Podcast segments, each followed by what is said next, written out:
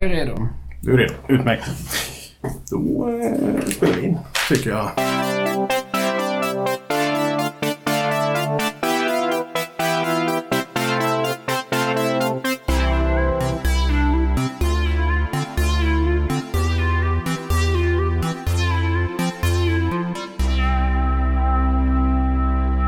Hej och välkomna till Böckerna bakom. Det är podden där jag, Hugo Hellman, pratar med personer som kanske inspirerat just dig som lyssnar om vad som i sin tur har inspirerat dem i litteraturens värld. Och idag sitter jag med Kalle Lind. Välkommen till podden. Tackar för detta. Jag tänkte säga välkommen hit, men jag är hemma hos dig så det blir konstigt. Ja, ja, det är väl jag som kanske skulle ha sagt det när du kom. Så välkommen hit. Tackar, tackar. Och för de som inte känner dig närmare. Vill du beskriva dig själv eller ska jag göra ett försök först?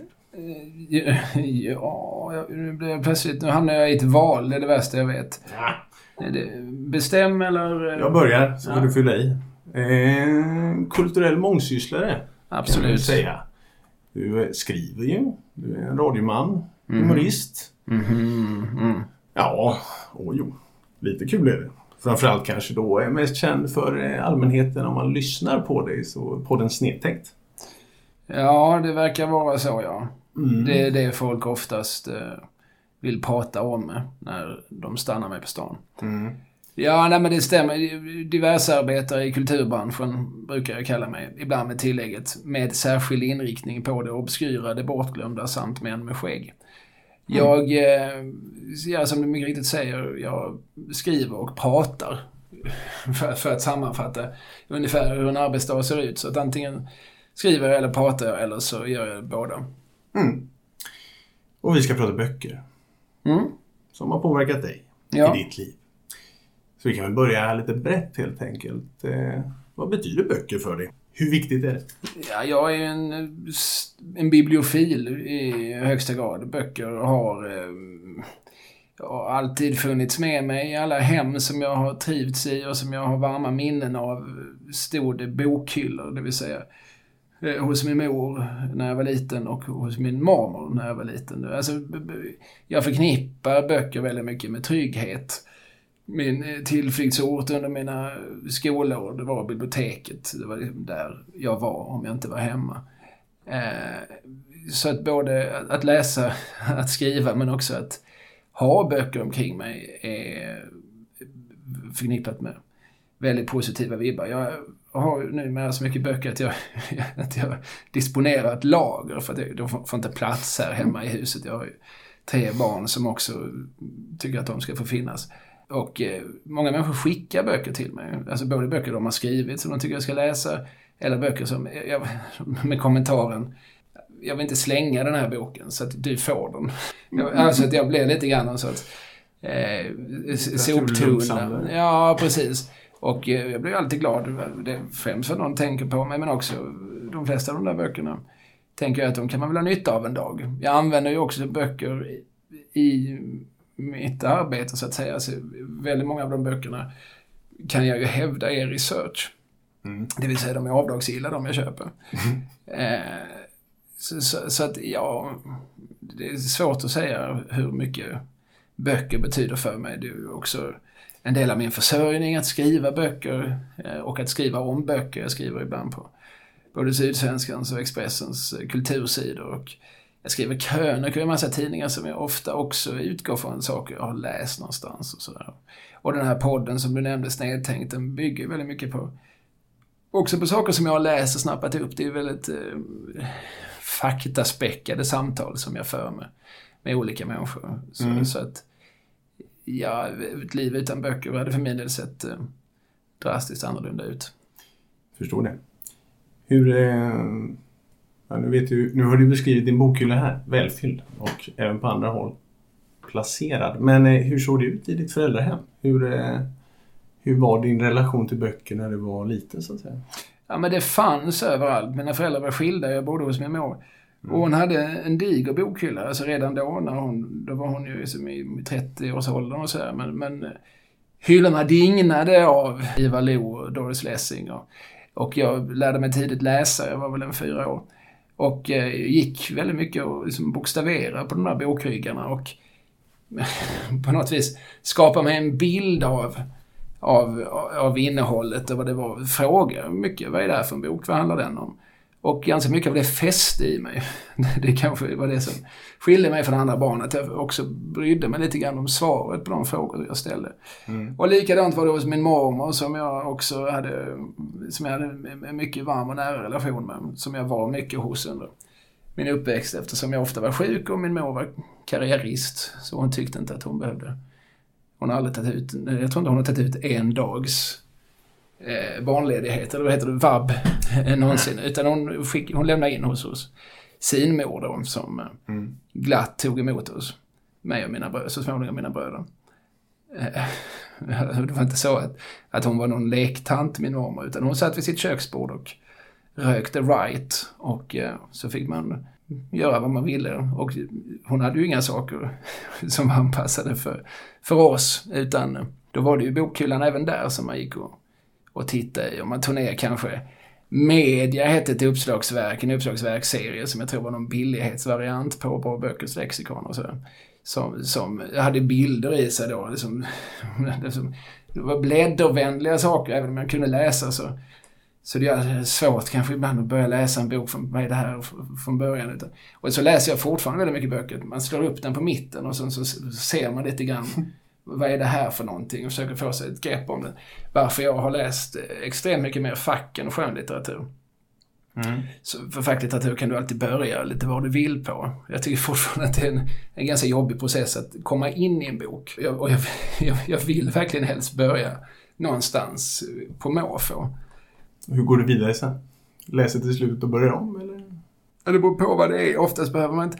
Jag läser mycket biografier och memoarer och sådär. Det behöver man oftast inte läsa de första 30 sidorna. Det är bara så otroligt tradiga barndomsskildringar. Alltså, I men, if you seen one childhood, you've seen them all. Eh, utan det, sen så tar det liksom fart någonstans från sidan 30-40 ändå. Men, men jag tycker också om böcker som är uppdelade i, i fristående delar. Jag har själv skrivit en massa böcker som, som, som är gjorda så att du ska kunna börja läsa vad som helst. Inga, liksom, det här är liksom 40 kapitel som är fristående för varandra. Jag tycker om liksom krönikesamlingar eller, eller eh, någon sorts faktasamlingar, artikelsamlingar. Jag tycker om sådana där böcker som kanske handlar om eh, olika presskandaler vi minns. Så, så, kan man ta den som man känner till och har, har en nära relation till först. Och sen så var det ganska kul skrivet och gav lite mer smak och sen så kan man fortsätta och hoppa runt. Så tycker jag om att läsa böcker. Vad är det som får dig att plocka upp en ny bok? En svår fråga att svara på. Jag tror att eh, alltså böcker som får mig att ticka, eller som, som väcker min eh, nyfikenhet, det är väldigt sällan på rekommendationer. Jag är ju född med någon sorts indie-ideal så mm. Jag har aldrig tyckt om att läsa samma saker som andra. Det drar alltid öronen åt mig när när folk säger du bör läsa den här boken. Nej, i och med att du sa det så, ja. så bör jag inte det. Jag har bättrat mig avsevärt på den punkten. Och framförallt sett, sett värdet och glädjen i att diskutera och, träffa andra människor som också har läst de sakerna som jag från början läste om för att, i någon mån för att vara ensam om dem. Nu märkte jag, men det var ju roligt att, att, att, att utbyta mm. Eh, åsikter. Men det är väl en sorts feghet också tror jag, att, att vara rädd att vara den som missuppfattat alltihop. Som man slipper vara om man är den enda som har läst, ja. Ja, om man är tio personer som har läst och så sätter man sig ner och diskuterar och så visar det sig nio överens om vad det här var. Och så sitter man själv, men jaha, det var inte alls så jag såg det. Så känner man sig kanske dum och känner att jag inte fattat lika mycket och att jag inte har... Eh, jag tyckte inte om, alltså när man, jag läste litteraturvetenskap sådär i, i Lund Eh, för att ha någonting att göra. Och eh, jag tyckte oerhört illa om diskussioner. Vissa, mm. vissa gick ju oerhört mycket igång på det. Det är så roligt, nu ska vi sätta oss ner med de här böckerna. Vad tycker ni och vad känner ni? Eh, jag var väldigt tyst i sådana sammanhang. Jag, jag um, var och en kan väl ha sin läsupplevelse. Mm. Eh, tänkte jag. Men du är mer av en grubblare så att säga. Tänker bäst på egen hand. Jag tänker att många just kanske då kommer fram i diskussioner. Ja, men det, var, det var framförallt så under mina uppväxtår så jag hade svårt att och hitta, ja, det här gamla Groucho Marx-citatet, jag vill inte vara medlem i en klubb som vill ha sådana som mig som medlem. Mm. har jag alltid kunnat skriva under på. Men om du, om man ser på din läsning, är du nöjd med din läsning? Ser du på din bokhylla och tänker Gud vad mycket det är här jag inte har läst som jag borde läsa? Eller tänker du vad mycket har jag läst? Vad kul det har varit? Nej, jag ser nog en bokhylla som ett work in progress. Alltså det är någonting som... Eh, eh, alltså jag gillar å ena sidan att göra bokslut. Jag tycker om att bli färdig med saker. Alltså, jag tycker om att lägga saker till handlingarna. Därför jag har skrivit ganska många böcker för jag tycker om att, att kunna se, okej, okay, vad har jag gjort med mitt liv? Det är, en väldigt abstrakt fråga så här normalt. Man, men det är skönt att kunna peka på någonting. Jag har skrivit de här, vad det nu är, 15-16 böckerna. Att jag har gjort någonting. Mm. Det kan ju vara liksom ett komplex för att jag inte kan eh, arbeta med mina händer i övrigt. Så här. Jag kan inte bygga saker, jag kan inte måla saker, jag kan fan inte slå i en spik i en vägg ordentligt. Jag är oerhört opraktisk. Eh, och, och, jag har alltid haft människor omkring mig som varit praktiska och som jag liksom, tittat med häpnad på. De kan ju peka då på sina hus. Det här har jag byggt. Så mm. bra. Freud pratar ju mycket om att det här var liksom den manliga kompensationen då för att vi inte eh, föder barn. För att vi inte Kvinnor kan ju då peka på sina barn. De här har jag gjort. Visst, där har väl karlar också varit delaktiga i själva konsumtionsprocessen. Men, men det är ju kvinnor som har burit och, och sen eh, icke utan smärta eh, förlöst dem. Men, så att det här är liksom någonstans ett eh, substitut då. Eller, man vill väl få någonting uträttat i, i livet. Eh, och jag tittar på min bokhylla och eh, kan vara nöjd med att jag har införskaffat de här böckerna. Redan, redan det tycker jag ser jag som en, en, en sorts handling. Att jag eh, har hållit mig vaken och intresserad och, eh, och, och sett till att eh, någonstans hålla mitt huvud piggt. Eh, sen kan jag ibland titta på vissa böcker och undra varför varför, hur tänkte jag nu? Ja, men man är liksom till och från i livet så här så har man kanske börjat utforska något fält av kulturhistorien och upptäckt efter ett tag att det här var nog inte min grej. Det känns ändå som att man har varit med om det några gånger, att man läser någonting eller liksom hör, ser någon film eller så här som man gillar och sen väldigt snabbt skaffar, skaffar allting i den genren. Och ganska snart upptäcker att ja, men det var kanske bara den där första filmen som verkligen gav mig något. Det kan till och med för min del vara så att jag har läst om det, att jag läst någon, en, någon intressant essä eller någon intressant recension av något och känner att det här vill jag, det här, det här är nog min grej. Mm.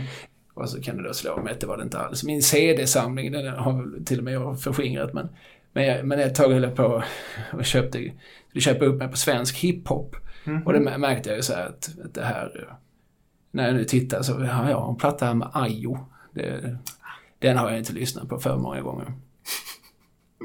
Feven var ju inte riktigt så bra som, som man inbillar sig där i några sekunder runt 99 eller när det var. 2001. Ja. ja. Hur, hur ställer du dig inför just den nya, nu den här tiden där det här inte, det spåret börjar försvinna? Jag tänker just när, det, när allting blir digitalt, man egentligen, om man har kvar sina spellistor på Spotify eller något sånt till exempel, då kan man ju åka på tidsresa lite. Men, eh, men det är inte på det fysiska sättet. Nej, alltså jag ställer mig inte så mycket. Jag, det tror inte folk om mig. Folk tror att jag är nostalgiker, stofil och konservativ. Stofil är jag kanske, men eh, jag är absolut ingen nostalgiker. Jag tycker ingenting var bättre för, utom just liksom, musik, film och litteratur kanske. Som, som ibland kan ha liksom, en, en ton som, som jag kan uppskatta. Liksom, gilla en Hitchcock-film för att jag tycker om hans, eh, hans eh, eh, tonfall och iscensättning. Nu har vi svävat ut. Mm. Det var länge sedan vi pratade om böcker. Jag tänkte på eh, den första läsupplevelsen du kan komma ihåg. Är det något? Eh... Nej, jag, jag, kan inte säga vad som var det första jag läste. och det första som, som jag föll för. Så här liksom i efterhand när man liksom rekonstruera sin historia, för det, det gör vi. Mm. Eh, och då fyller vi i med alltså, konturer från vad andra har berättat för oss och också utifrån de lämningar som finns. Det råkade tas, tas ett foto någon, någon gång när man satt med just den boken. Och då är det lätt att inbilla sig, just det, det var min favoritbok. Det kanske det inte var i själva verket. det spelar ingen roll. Och dessutom så, så anpassar man även sitt, sitt, sitt barnsmak efter vem man själv är som vuxen. Mm. Många människor hävdar med bestämdhet, så här tyckte jag om den här boken när jag var barn. Jag är inte alltid hundra på att, att det var så de tyckte och tänkte. Nej men för, för barn och vuxna har väldigt olika sätt att närma sig alla sorters konst. Men eh, jag läste ju såklart, jag läste mycket. Alltså, böcker är någonting som alltid har varit väldigt, väldigt prioriterat i alla hem som jag har funnits i genom mm. livet. Eh, det, det, det, har man alltid råd med, det har man alltid tid med. Det är ingenting man väljer bort. Mm. Då får vi väl äta nudlar då. För att vi måste väl ha den här boken. Eh, jag, jag är väldigt privilegierad på det viset. Alltså, jag, eller åtminstone jag ser det som ett oerhört privilegium att, att genom hela livet ha haft tillgång till de världar som ju, som ju böcker är. Att, att har ett helt självklart sätt. Jag minns det när min äldste grabb var kanske sju och så tog han med sig någon klasskompis hem som var helt förundrad över att, att, att det stod böcker. Liksom. Mm. ja, men han tittade på en hylla och sa, vad många böcker ni har. Så, ja, sa min son. Det har man väl, tänkte ju såklart han. Men den pojken hade ju inga böcker hemma så han tittade ju på vår lilla bokhylla. Eh. Var, han hade inte gått in i biblioteket. Det var ju bara de, hyll, de, de böcker som, som vi fått liksom lava upp någonstans.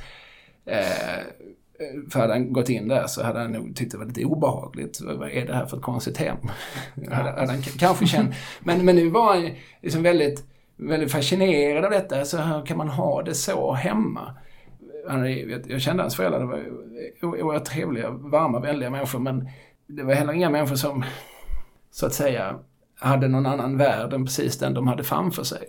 Mm. De refererar aldrig till någonting annat än det de ätit senast så att säga, eller det de själva sett någonstans senast. De, de hade liksom inte riktigt, de såg inte att det kan också finnas två miljoner andra perspektiv. Mm. Så som man ändå kan se det om man tidigt i livet tar del av andras perspektiv. I form av böcker eller i form av tidningar och, och i form av Ja, du förstår. Mm. Men i alla fall, jag läste en, en bok som, som jag läste första gången som barn och som har haft en enorm inverkan på vem, vem jag är och vad jag gör.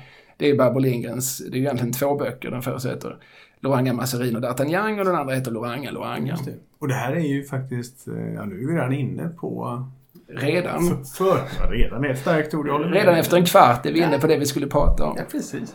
Det får ja. man vara nöjd med. Eh, ja, men vi, jag tänkte vi kan vi, vi stänger prologen här och går in på själva huvuddelen. De specifika böckerna. Och jag, eh, jag har ju försökt uppmuntra dig till att dela upp det i kapitel men du var inte så sugen. Så jag Nej, det är, svårt, det, är, svårt för mig att göra. Det är mycket lättare om, om du ställer frågorna så ska jag försöka ja, svara någorlunda stringent. Precis. Sen är jag ganska associativt lagd. Ja. Eh, men ska vi fortsätta prata om Luanga eller? Ja, det ska vi göra. Eller vill du sätta en rubrik på det här Jag tänkte bara sätta en liten rubrik ja, på något sätt här. För att få en liten inramning så har vi lite kapitel. Så, eh...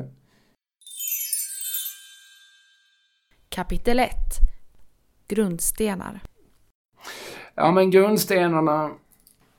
Alltså, det fanns en massa böcker när jag var liten. Det fanns på dagis och det fanns hos min mor. Det fanns, alltså, då, då pratar vi barnlitteratur. Och, och som sagt, jag togs ofta till bibliotek och det var det första jag lärde mig att ta mig till själv. Jag är ju privilegierad på det viset också att jag är uppvuxen i ett 70-tal då barn fick lov att röra sig själv på gator utan att bära cykelhjälm och utan att bära överfallslarm och utan att eh, minst två föräldrar fanns på fem meters avstånd. Det här var en liten pik till eh, dagens skitnödiga föräldrar mm. som tittar snett på en när man skickar sina barn till skolan två kvarter bort utan, utan att liksom följa dem i ett koppel dit. Mm. Nåväl, eh, så på biblioteket fanns det ju massor med böcker som jag eh, utforskade. Jag läste ju egentligen kanske helst serier. Mm. Det var det jag tyckte var allra roligast. Men, men grejen var att jag väldigt tidigt fångades av humor, alltså det som var mm. humorkodat på något vis. För det var det jag gick igång på. Jag tyckte det var kul när, när det var skämt. Mm. När det var tokiga saker, tokiga vändningar, roliga ord, roliga figurer. Så, så är det då Barbro Lindgrens Loranga som, som min väldigt proggiga dagispersonal med glädje läste för oss. De tyckte det var kul att läsa historier för, för barn och vuxna som, som beter sig som barn. Ja, där kan vi... Det legitimerar nog lite grann deras eget beteende. Mm. Där kan man också se lite, ganska tydlig passus till eh, din syn på de ängsliga föräldrarna som inte låter sina barn gå till skolan. Ja, Nello Anga låter inte heller Massarin gå till skolan, för det, men det är mest för att han tycker det är trams. Ja. Han hittar sin, sin egen gamla skolbok där han har skrivit Fröken är en jäkel. eh, Och när, när han hittar den så tänker han efter en stund och säger det var hon faktiskt också. Och Loranga stannar ju hemma. Han vill inte heller ha ett arbete. För vem ska då leka med massarin? Nej, är en bra fråga. Är hans... Eh, eh, och det är väl en fråga som jag tycker... Det kan man ta med sig som far. Mm. Den frågan. Om jag nu går till jobbet, vem ska då leka med mina barn? Ja. Eh, det, ja, men Luanga anklagas ibland. Jag förutsätter att lyssnarna har någon sorts koll på vad det här är, men det handlar alltså om tre generationer män som Barbro Lindgren hävdar då är hennes man, hennes son och hennes svärfar. Som hon satt ute eh, på Öland och iakttog. Och sen så... Eh, hon, hon har ju själv velat ha det till att ja, men jag har ju inte hittat på någonting, jag har ju inte fantasi på det sättet. Lite har hon hittat på, eller åtminstone, åtminstone spetsat till. Jag kan tänka mig att det till exempel var så att hennes man en dag gick runt i en urtvättad morgonrock och med en tehuva på huvudet. Men det lät hon då Loranga göra för jämnan. Och det är ju rätt stor skillnad. Men, men, men visst, hon utgick från, från den verklighet hon hade omkring sig. Eh, och förmodligen från de eh, lekar, de fantasilekar som, som de här karlarna omkring henne drog igång för att roa sig.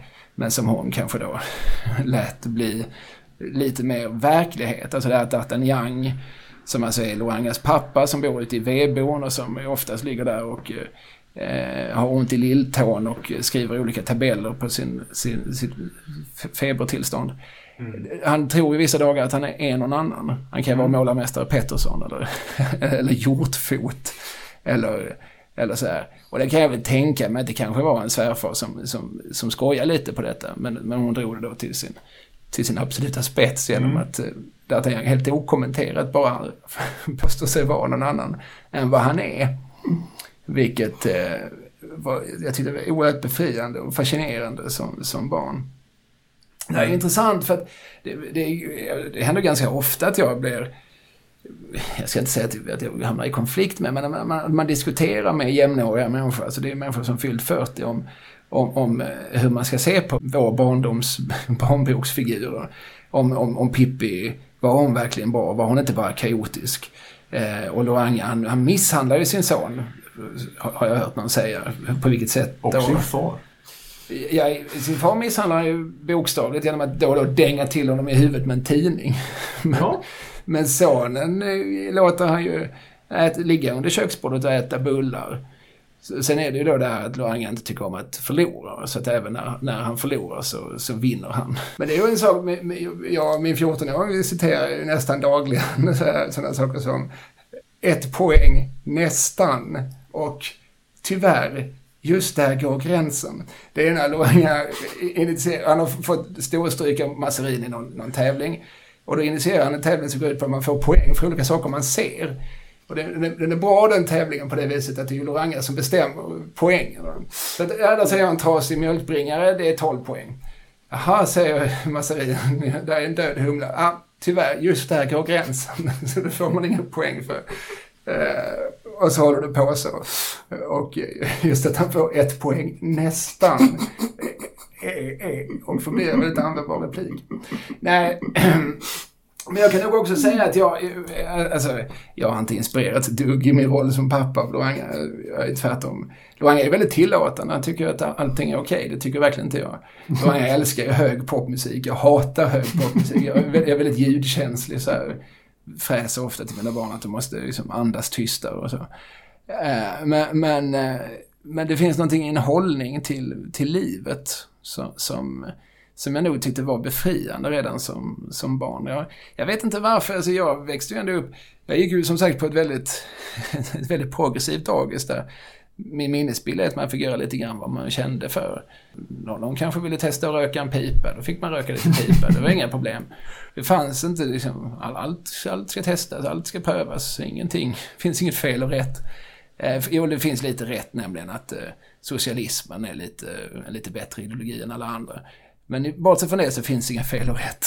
Det var lite grann så hållningen var på mitt, på mitt eh, proggdagis i Lund i slutet på 70-talet. Men, men eh, som sagt, eh, jag, det var inte så att jag behövde slåss, liksom slå mig fri från någon sorts någon sorts kvävande miljö själv. Att, att åh vad härligt att liksom höra när man själv har som som en pappa i, i slips. Min, min pappa hade inte så mycket till slips.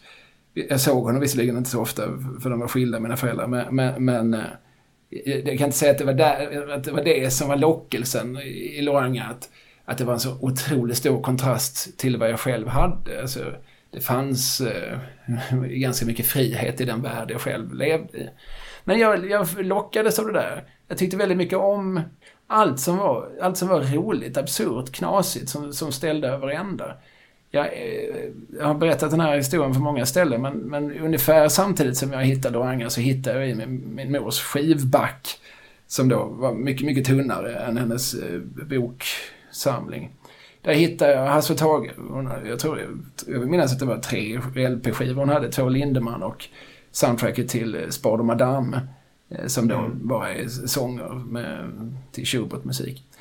Eh, och det var de, framförallt de här Lindemännen då som...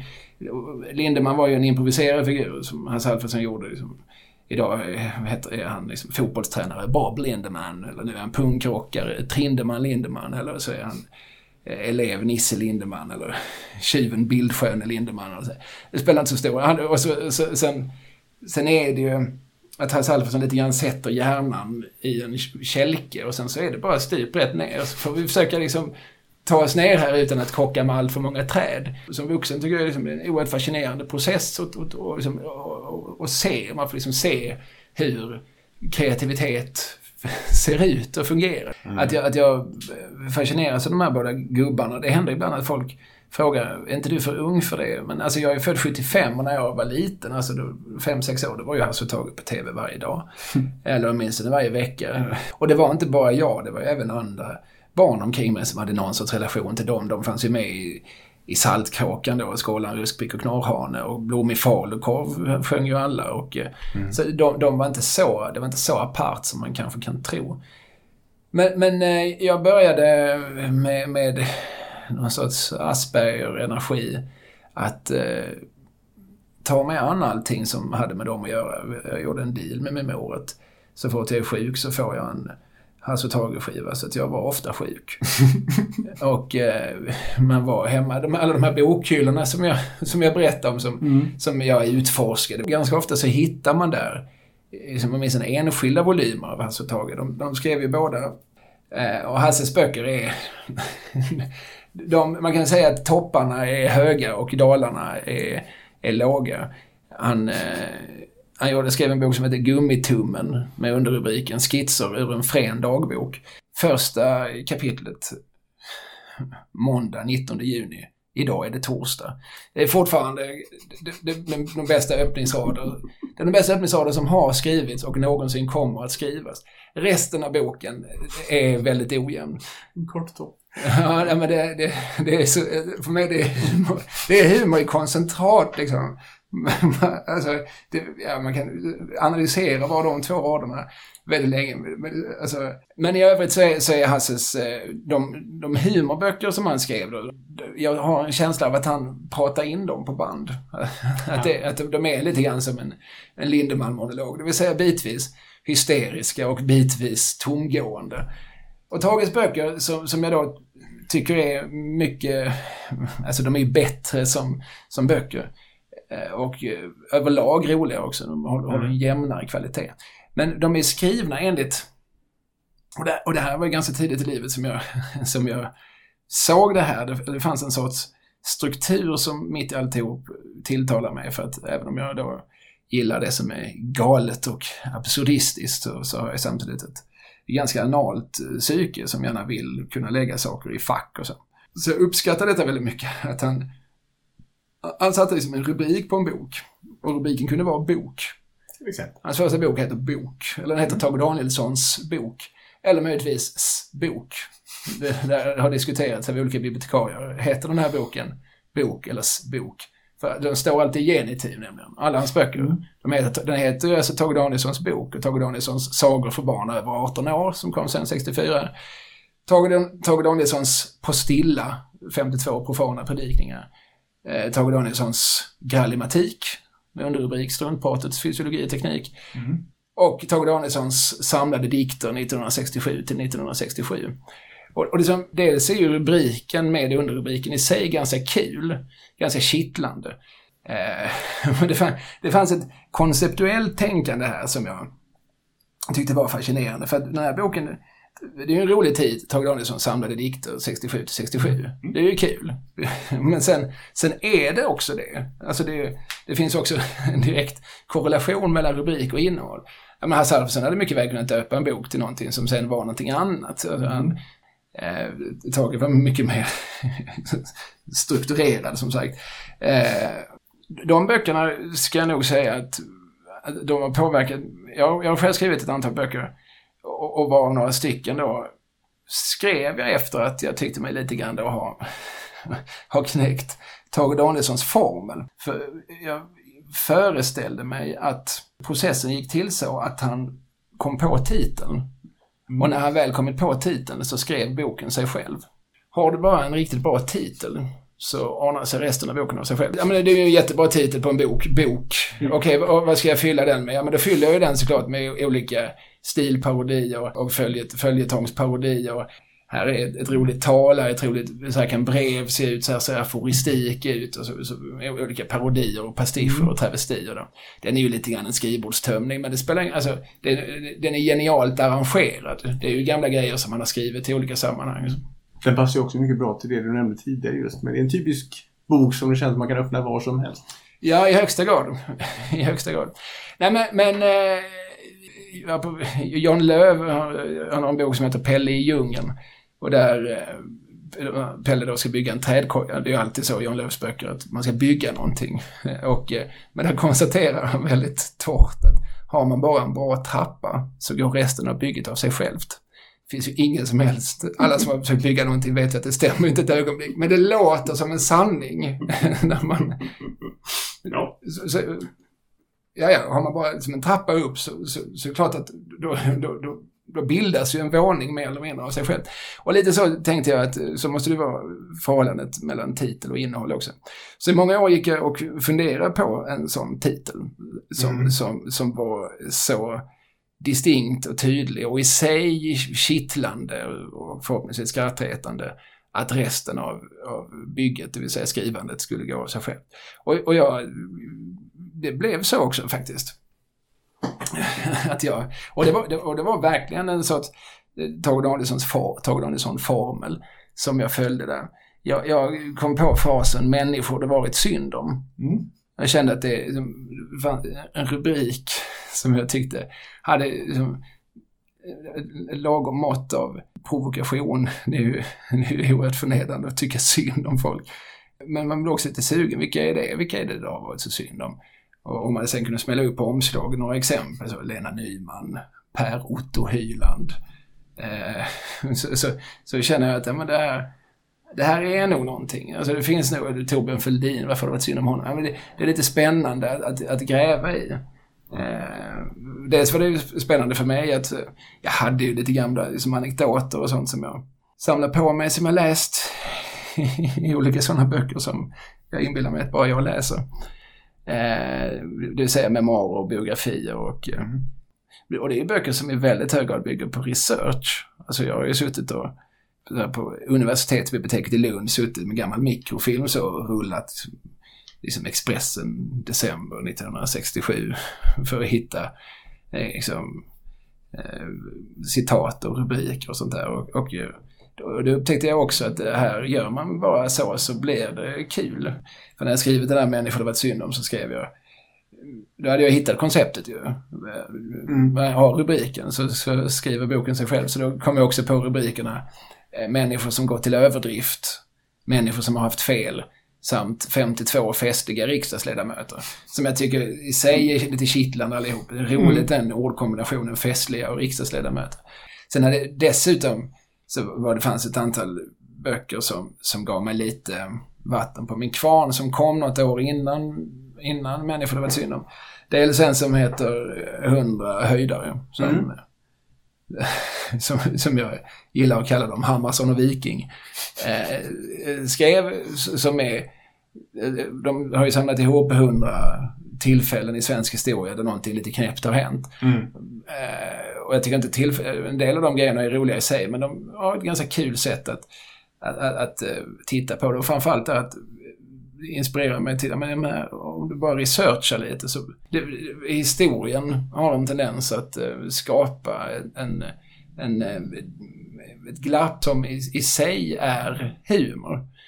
Alltså ett sätt man kunde prata på, även på nyhetsplats om kvinnor eller om eh, afrikaner på, på 60-talet. Och så läser man det nu så uppstår någon sorts humor. För att så får man, så får man inte lov att skriva, tänker vi som, som lever i, i vår paradigm. Jag har byggt en hel bok på den idén, en bok som heter just eller just, den heter, heter Proggiga barnböcker. Mm. Och där jag samlar ihop de barnböcker vi läste på mitt proggiga dagis plus väldigt många andra som jag hittade. Och den brukar hävda att det är den roligaste bok jag skrivit. kan jag göra med en viss, utan att, utan att vara alltför självgod. För det är inte min förtjänst utan det är ju, det är ju världens tråkigaste människors förtjänst. Det vill säga de som skrev barnlitteraturen på 70-talet. Vissa hävdar att man måste vara liksom 60-70-talist för att kunna ta den till sig. För man måste ha ett nostalgiskt eh, förhållande till böckerna. Men det, det, det, håller jag inte med om. Det är ju svårt för mig som har det mm. att, att, argumentera för. Men, men, men, det, men det, den ger en ganska bra, den boken, om, om man liksom har det minsta intresse för en, en period som är väldigt intressant, det vill säga liksom, åren efter 68 då allting skulle ifrågasättas. Eh, och, och framförallt så, så tycker jag den är rolig. Det är ro, roligt att, att, att, se hur man hur man tillät sig att tänka. Mm. För det är en väldigt stor kontrast i hur man tänker idag. Och den kontrasten, som sagt, den är, är humoralstrande i sig. Mm. Ja, nu är tiden är ju på. Jag gör så här. Jag bläddrar framåt och eh, säger nästa författare som du har på lista. P.G. Woodhouse. Ja... Där har vi ett rikt bibliotek att välja ur. Ja, precis. Plocka fram några guldkorn. P.D. Woodhouse, jag har, jag har nog liksom 25 Woodhouse-titlar stående i någon hylla där uppe som jag köpte på ett bräde. Jag brukar kanske läsa en om året, eller två. Mm. Försöker erinra mig vilka är det jag har läst och inte. Tar jag ner en annan. Det är utmärkt sommarlitteratur. Eh, Berätta lite kort om, om ja, Woodhouse är ju alltså en, en britt som kom från eh, brittisk överklass och skildrar brittisk överklass med en sorts eh, tillbakalutad, väldigt överseende sarkasm. Eh, och eh, hans böcker, de mest kända handlar idag om den ganska enfaldige unge eh, Bertie Wooster och hans oerhört klipske och handlingskraftige betjänt Jeeves finns eh, en tv-version med Stephen Fry och Hugh Laurie. Eh, som ju inte alls gör böckerna rättvisa för att det, det som är främst är roligt i böckerna är ju inte så mycket intrigerna eller ens relationen mellan de här två utan det är ju Woodhouse som helt fantastiska språk. Mm. Han har ju en, en, stilistik, han använder liksom liknelser och så här när han beskriver hur någon såg ut eller så här så, som, som är medvetet överlastat hela tiden med lite för många bisatser. Lite fler bisatser än vad sammanhanget egentligen kräver. Och så här. Eh, väldigt självmedvetet och väldigt roligt att läsa. Och sen har han också en hållning. Alltså, Woodhouse, han skrev också, förutom om Jeeves och Wooster, så är hans också hans många böcker om, om eh, godset Blandings och, eh, som, som kretsar kring... Alltså, historierna är nästan de är så banala, de är så triviala att de nästan inte finns. Alltså de är, det är liksom bara luft. Men, men den här luften har han på något vis lyckats, eh, liksom, det är den han kryddar och sockrar med, med liksom, språk och med, med vissa liksom, personskildringar och så som är, som är fantastiskt roliga. Det handlar ju om, om människor med världens minsta problem. Det handlar alltså om, om mycket, mycket, roliga, eh, mycket, mycket eh, burgna, välbärgade eh, engelsmän som, eh, som, mest, som ägnar sina liv åt att, att eh, kanske råka göra av med sin eh, arvsfasters mjölkkanna och så måste man hitta en ny mjölkkanna. Men först måste man komma med en bra bortförklaring till varför den försvann från början. Och det är ungefär så, så tjock och viktig intrigen är. Men, men han har ett sätt att se på människor med, med så här, liksom, oerhört överseende. Det är så här människor är. Vissa dricker för mycket, vissa är, är stroppiga och ampra. Och han tycker om allihop. De enda han inte tycker om det är de som är humorlösa. Det finns en fantastisk passage där, där Wooster möter en, en eh, kommunist, en man som, en revolutionär, Mm. eh, som, som vill liksom hänga upp eh, Wooster och hela hans anhang i, i en pianotråd. Och, och Wooster resonerat? ja, det, det, det, är väl inte så, det, är väl en helt, det är väl helt legitimt. Det är väl helt rimligt, men kan man inte göra det med ett leende? Och, och jag tycker att han, det hör till de klokaste ord som har skrivits någonstans. Ja, det är klart att det finns en massa orättvisor. Det är klart att det finns en massa problem. Det är klart att det finns en, en massa fruktansvärda saker som händer. Men kan vi inte eh, ha lite kul när vi försöker göra någonting åt dem? Må, måste vi gå runt genom livet med varsitt kvastskaft inopererat i ändtarmen? Måste man ha den Alltså, måste man hela tiden bära sitt engagemang med den viktigheten? Måste man se på sig själv på det sättet? För det är ju det man gör. När man hela tiden liksom pratar om sitt patos och sitt kall och så. Om, om man aldrig har en förmåga liksom att skratta varken åt sig själv eller åt andra. Liksom, och då, aldrig, just det här det varma, överseende leendet också. För det, för det handlar ju någonstans också om en attityd till, till mänskligheten. Alltså att, att förstå att vi, vi kanske inte är, de flesta är kanske inte alltid genom onda eller alltid genom goda. Vi har väl alla våra bevekelsegrunder, vi har väl alla våra preferenser. Och vår historia som gör att vi handlar som vi gör. Och det, eh, att, att se på det med någon sorts humor, det är också ett sätt att, att, att erkänna komplexiteten. Det är det som är problemet med, med de flesta totalitära, eller alla totalitära ideologier och de flesta ideologier överhuvudtaget är att de inte, inte riktigt erkänner komplexitet. Att vi... Mm. Jag, jag var och såg en film en gång med min, med, med min bror som åtminstone då var väldigt marxistiskt inspirerad. Vi var och såg en film som heter Royal Affair. Ganska bra, eh, som bygger på samma historia som den här boken som råkar ligga Livläkarens besök av P.O. Mm. Enquist. Som är också en fantastisk bok för övrigt. Filmen var ganska bra. men, men det handlar ju då om eh, en dansk 1700-talskung och hans drottning. Och en eh, liv, kungens livläkare som är uppsyn, upplysningsman och som, som börjar ligga med drottningen och som är ganska nära att starta en, en, eh, en förnuftets revolution i Danmark. Men mörkrets män hinner agera och uh, ha ihjäl honom. Eh, och man ser, liksom, det, det, är ju det är väldigt gripande och eh, frustrerande historia för man ser liksom hur nära hade, hade den här Struensee, som han hette, den här livläkaren, bara fått så hade, hade liksom upplysningen kommit hundra år tidigare till Danmark. Men nu lyckas de precis liksom fängsla honom när han är precis är på väg att faktiskt liksom förändra för det stora, stora flertalet människor mm. i Danmark. Eh, men så när vi gick därifrån så, så ville min bror ändå säga liksom att han hade, Han tyckte inte så synd om dem, för de var ju ändå kungar. Mm. Och kungar har ju, har det alltid bättre än de flesta. Eh, och det håller jag ju såklart med om i sak. Men eh, det är ju fortfarande människor. alltså det sp spelar ingen roll om han sitter där på, i, ett, i, ett, i ett slott om man fortfarande inte är älskad eller om man fortfarande blir Alltså, och för mig är det någonstans det som är humorns sätt att, att se på världen. Att, att inse att, att även en kung måste bajsa. Liksom. Även en kung är en människa med, med allt vad där tillhör de, de problem och de nödvändigheter som följer med det. det så ja, humor.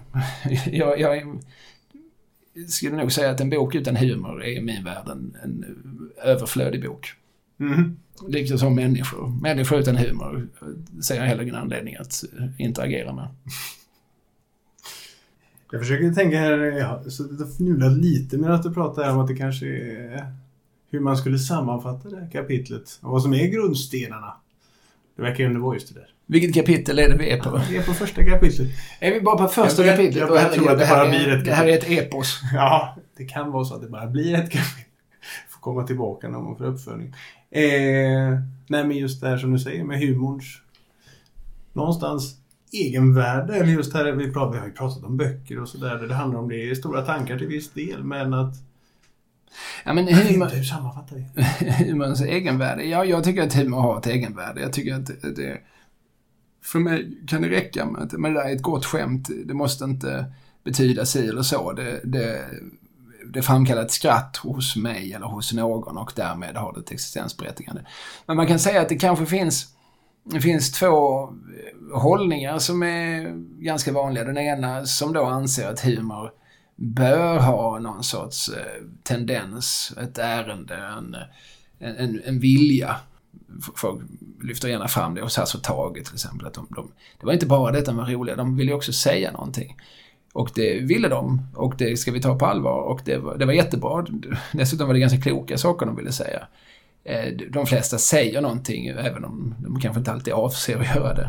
Men, men, eh, men vissa som anser att, att det måste vara så att humor som, som inte, eller nöje, underhållning som inte som inte också pekar ut en fiende eller som inte också eh, kommer med någon sorts analys är på något vis en sämre humor.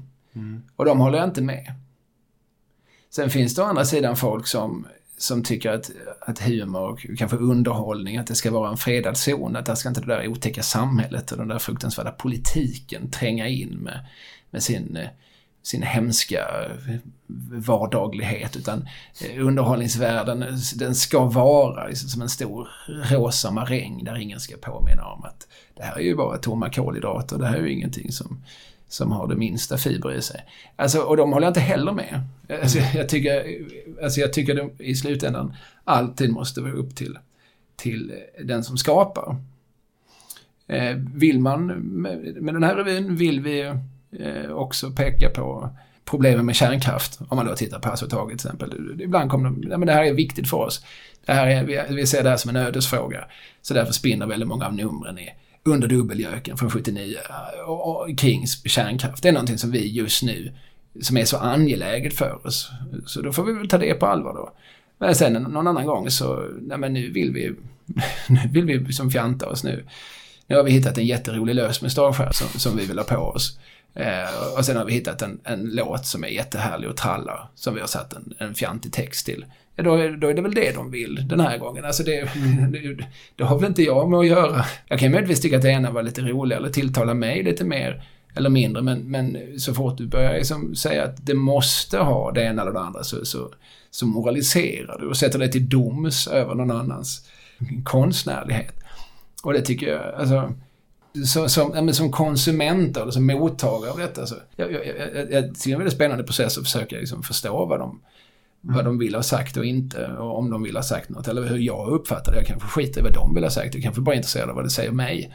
Men, men, eh, men jag går inte med på, eller jag ställer mig mitt emellan de lägen. Tycker någonstans båda har lika fel. Ja, men jag älskar Povel Ramel, som ju ofta liksom skildes för att vara opolitisk eller apolitisk. Så det var han ju inte. Alltså, det är också hur man definierar politik såklart. Men Povel Ramel skrev ju gärna sådana sånger som Ta av dig skorna, håll musiken igång, tänk dig en strutkaramell, knäpp upp, relax, koppla av. Eh, lite fantasier, jag, jag, guld av vanligt grus. Det är ju en sorts samhälls och livsåskådning. Att, eh, njuta av varje dag som vore den sista. Mm vad, vad, alltså en idé om att de, så många av oss som möjligt är glada, tillfredsställda och eh, eh, lever med ett leende på läpparna så kommer världen, den sammanlagda välmåendet i världen att vara lite bättre, lite större. Mm. Det är ju som i högsta grad politiskt, om man så vill. Alltså, eh, det är inte dagsaktuellt. Det är också liksom en snäv, snäv sätt att definiera politik. Att säga att det måste, det måste handla om namngivna riksdagspolitiker, annars är det inte politik. Eh, mm. Men jag försvarar väldigt mycket Povel Ramel. Jag tycker att han är missuppfattad. Dels för att han har mycket, mycket mer att säga än vad många vill ha det till. Många, ja men det är ju bara barnramsor, säger vissa föraktfullt utan att ha lyssnat. Eh, han skrev ju fantastiska den största spegel kan man fördärva, det bor en solkatt i varje skärva. Och det finns röster nu att värva, så låt oss bilda ett nytt parti. Det är för få som tror på sångerna, så följer vinden med ballongerna. Vi är förmodligen de sista entusiasterna. Det skrev han 1968, det stora revolutionsåret. Mm. Jag brukar hävda att det var det mest rebelliska som sades och skrevs det året. Eh, för att det någonstans är Eh, alltså på tvärs mot alla då rådande väldigt liksom, pinnrövade och skitviktiga och eh, självgoda eh, yttranden från, från olika håll.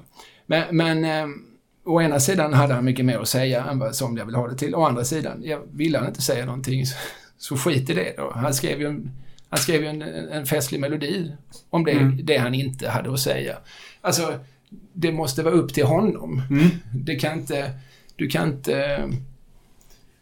Man, man kan inte avfärda, avfärda någonting för att det inte råkar vara så, så orienterat i eh, någon aktuell konflikt. Mm.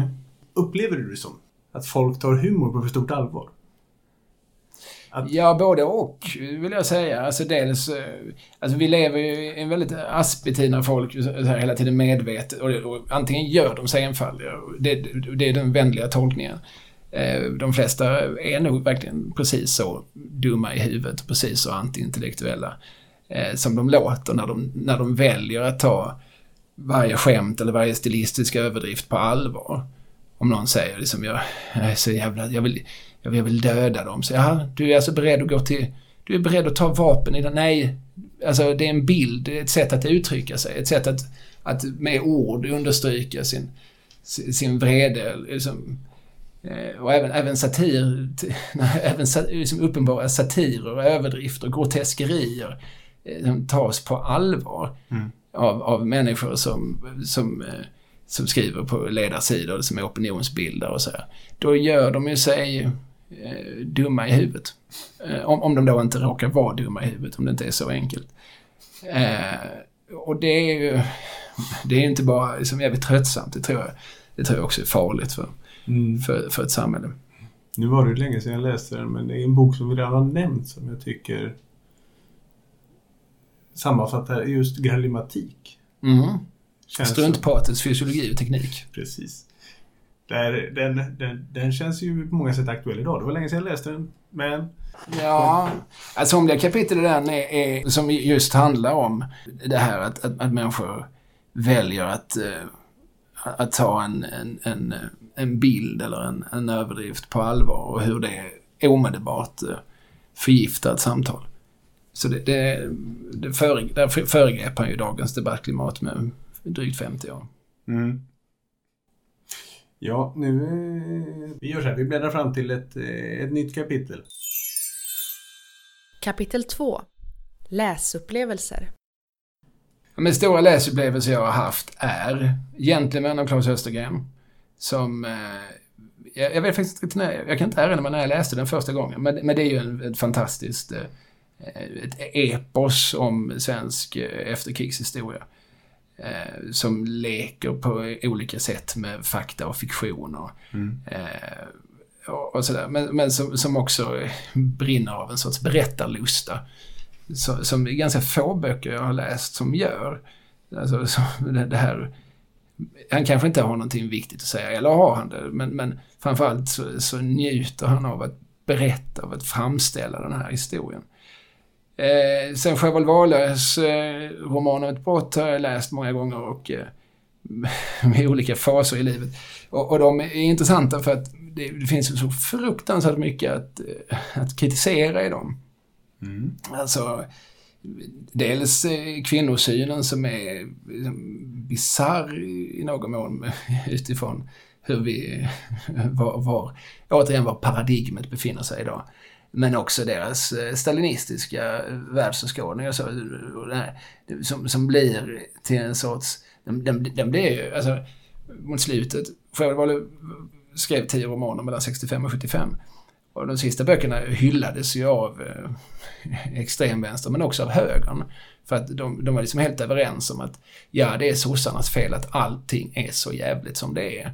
De kunde verkligen mötas där, liksom att Sverige var liksom helvetets förgård och det var sossarnas fel. Det tror jag inte riktigt var vad Sjöwall Wahlöö ville, men det, men det var så det blev. Det här är alltså böckerna om Martin Beck. Ja, precis. Det är tio krim- kriminalromaner som handlar ja, Martin Beck och liksom kollektivet runt om, om, om, om honom. Och Sjöwall Wahlöö, utan Sjöwall Wahlöö hade inte liksom Henning Mankell eller ens Jan Guillous Cockroach-svit funnits. Och eh, därmed förmodligen inte heller liksom den, det man kallar Schwedenkrim i, i Tyskland. Och så. Eh, Alltså den här liksom enorma deckarvågen vi har haft sedan dess. De, de, de la på något vis första grundstenen och den första icke-anglosaxiska som fick eh, det, det största kriminalromanspriset som finns, Edgar. Eh, redan på 60-talet. Och så, de, de, men de, det tog liksom ett antal år innan folk plockade upp deras stafettpinnar för de låg verkligen som ett, som ett moln. Kan man göra likadant som dem? Ja, det kunde man ju då visade sig ganska framgångsrikt. Eh, det vill säga de kombinerade politik med eh, jävligt effektiv kriminalprosa. Mm. Och det är ju där de, de, Det är tio böcker, jag ska säga från och med nummer tre då som heter eh, Mannen på balkongen till och med nummer sju, som är den vedervärdige mannen från Säffle. De fem böckerna, de är lysande. De två första är rätt trevande, de tre sista är för gnälliga. Men eh, de fem där i mitten, trots att de har massvis med skönhetsfläckar av den typen jag just la fram, eh, så är det, det finns som så pregnanta personskildringar. De kombinerar eh, också igen liksom ett visst mått av humor med, med en en ganska liksom, i övrigt hårdkokt stil och så. Och, eh, och sen är det ganska gripande historia. Alltså de bygger ju upp sina fall för att de vill göra en politisk poäng. Men, men eh, de fattar också att för att jag som läsare ska engagera mig i detta så, så, så får man faktiskt som, göra människorna mänskliga. Mm. Eh, så, så de har jag läst mycket. Och sen bland stora läsupplevelser som jag har haft mm. så kan man också nämna då Kurt Vonneguts Slakthus 5. Men den nämner jag mest för att det är den, en av väldigt få böcker som jag, jag, jag minns hur jag sträckläste. Jag råkade befinna mig i Taipei, Taiwans huvudstad. Varför jag var där, det kan vi göra en hel podd om någon annan gång. Mm. Eh, jag, var, jag var där i tre dagar, så flög hem igen. Så köpte jag den här då på, tror jag, på flygplatsens bokhandel. Och sen läste jag den verkligen utan uppehåll på, på planet hem. Eh, det var oerhört gripande. Eh, samtidigt som den är liksom doppad i humor. Vonnegut var med som amerikansk eh, stridspilot och bombade Dresden. Alltså under andra världskriget faktiskt. Var han med och bombade? Ja, han var en av de som fällde bomber. Jag trodde han var krigsfånge i Dresden. Har jag missuppfattat det? Jag kan säga att det här var 2005 jag läste den. Jag kan ha jag glömt, har jag blandat ihop allting? Kanske. Jag ska inte, jag skulle inte gift på det, men jag tror att han eh, själv satt i Slakthus 5, så att säga. Ja, men kan han inte ha gjort både och då? Ja, för det var ju i Dresden. Slakthus 5, ja men han kan väl ha bombat men, men blivit tillfångatagen?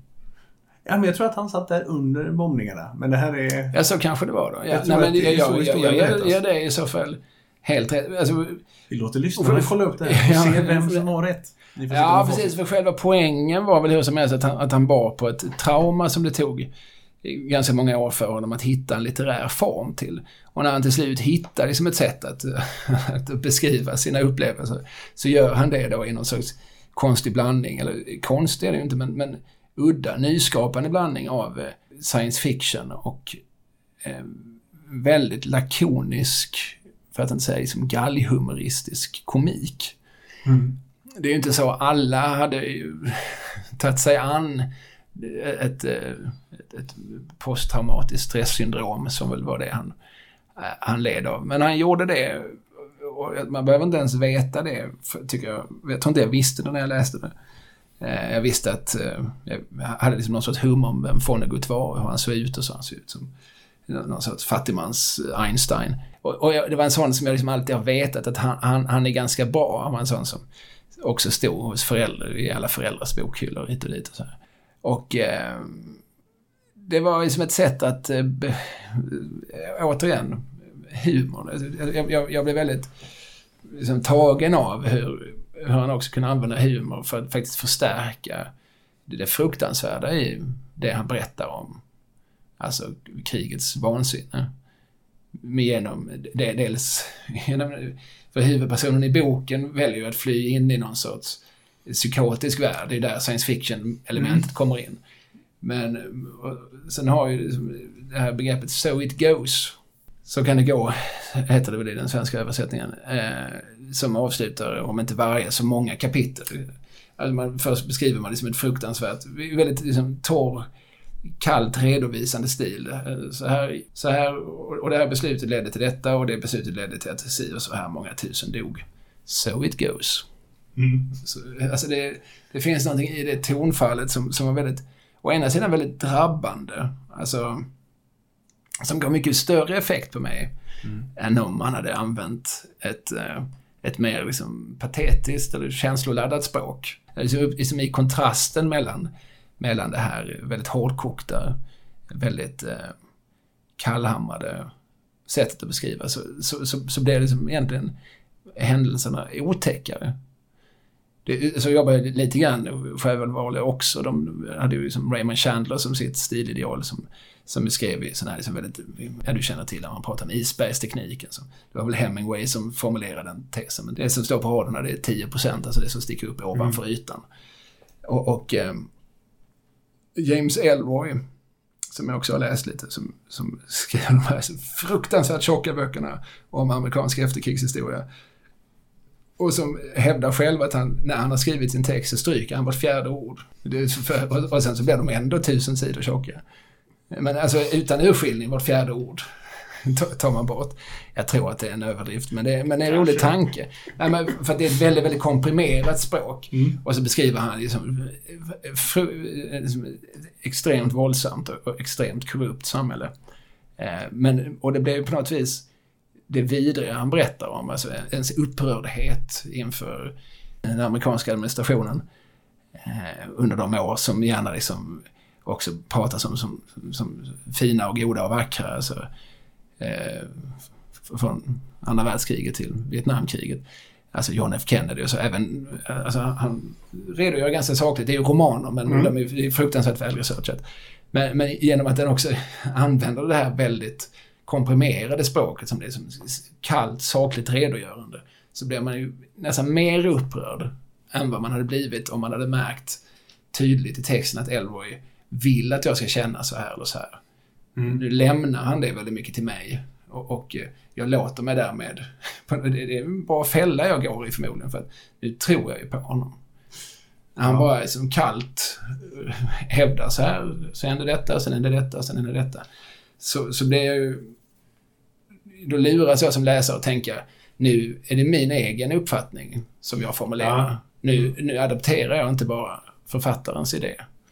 Eh, jätteeffektivt. Ja, det låter lite som din motsträvighet mot att även läsa saker som andra tycker att du ska läsa. Mm, kanske. Kanske hänger det ihop. Ja. Vi tar och rundar om det tror jag, helt enkelt. Kanske bara ska ha en liten eh, kort källförteckning över de viktigaste böckerna här som vi har pratat om för att eh, ja, vi flöt ut lite grann kan vi säga. Men om vi går i första delen här så var det ju eh, Loranga. Ja, Loranga och Barbro Lindgren, de, de, det är två böcker och de finns samlade i en, en bok. Eller så skaffar man båda. Ja, det är, det är roligt. Det är upp och nervänt och eh, det är befriande på något vis. Det är en befriande syn på föräldrar, barn och människor. Mm. Sen var det lite Tage-böcker vi pratade om. Ja, det, de finns samlade också, hans eh, 60-talsböcker i någonting som heter Tage Danielssons paket. Eh, så den kan man läsa. Eh, och den kan man läsa lite hur som helst. Man kan hoppa över den boken som heter På stilla, för den är inte så kul tycker jag.